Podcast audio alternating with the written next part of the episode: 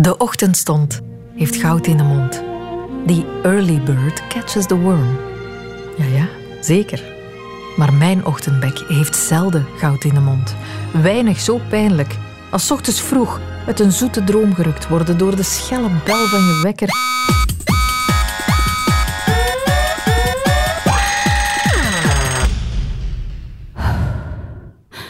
Die je komt toeschreeuwen dat het tijd is om te gaan werken. Want come on, time is money, chop chop. Zo vroeg, zo brusk aan de dag beginnen. Wiens idee was dat eigenlijk? Ik ben Sophie Lemaire en dit is een snelle geschiedenis van ons vroege opstaan. Injas Glorieux is arbeidssocioloog aan de VUB en hij zegt dat dit culturele patronen zijn die er bij ons diep zijn ingesleten. We hebben niet altijd zo volgens het dictaat van onze wekker geleefd. Ik denk voor de industriële revolutie dat mensen veel meer leefden op de natuurlijke ritmen. Er was ook weinig kunstlicht, dus mm in het donker opstaan om te gaan werken was er niet bij.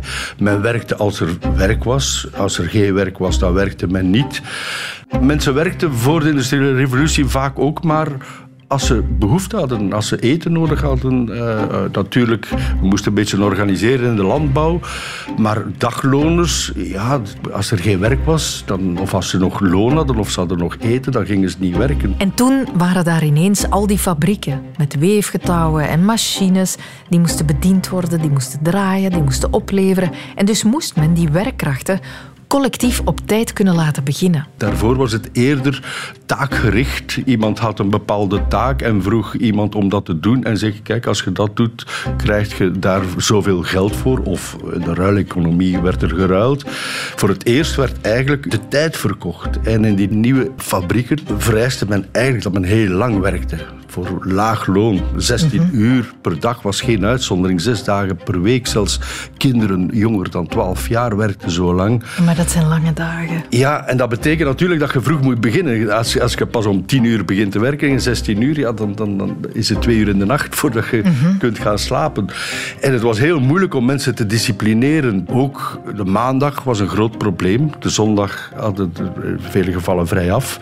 Men had het loon gekregen, men had soms wel wat gefeest dat was een van de redenen waarom men niet naar de fabriek ging, maar vaak ook omdat men nog geld had en men de noodzaak niet zag om te gaan werken als je nog geld hebt. De bazen van de fabrieken besloten in te grijpen. Dus, dus wat deed men? Men ging in die arbeiderswijken met de bel rond om mensen uit hun bed te krijgen. Ja, er ontstond toen een nieuw beroep, dat van knocker-upper of porder. Mensen die vaak in opdracht van de fabrieken, de arbeiderswijken afliepen en van deur tot deur gingen om mensen uit hun bed te zetten.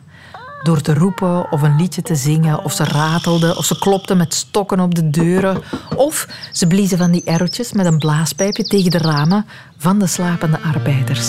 Daar bestaan nog oude volksliedjes over. Luister. Through cobble streets so cold and damp, the knocker upper man goes creeping. tap tapping at the window pane the town from sleeping. He said, Hey, the up and sturdy cell, the Viking hoot is blowing. Don't get up all your nice warm bed. To work you must be going. To work You must be going. Maak dat je in de fabriek bent. En eens iedereen binnen was, sloten ze de deuren. Bijvoorbeeld om vijf uur s morgens van de fabriek. Als je niet op tijd werd, dan, dan was die werkdag verloren voor u. Dus mensen werden toen echt gedrild om dat oude ritme overboord te gooien en voortaan vroeg aan de werkdag te beginnen. Dat heeft ja, toch verschillende tientallen jaren geduurd, vaak voor men die discipline erin krijgt. Maar het is uiteindelijk wel gelukt. Want onze hele maatschappij is er vandaag nog altijd op gericht om vroeg aan de werkdag te beginnen. Dus wij gaan onze natuurlijke behoeften vormen naar vaste tijdschema's, mm -hmm. dat we een bepaalde discipline eigen maken. En, en, eigenlijk hebben we ons dat... Wij beseffen dat natuurlijk niet, omdat het een tweede natuur geworden is. Maar die discipline zit er bij ons heel diep in. Want time is money. Chop, chop. En ochtendstond chop, chop. heeft goud in de mond.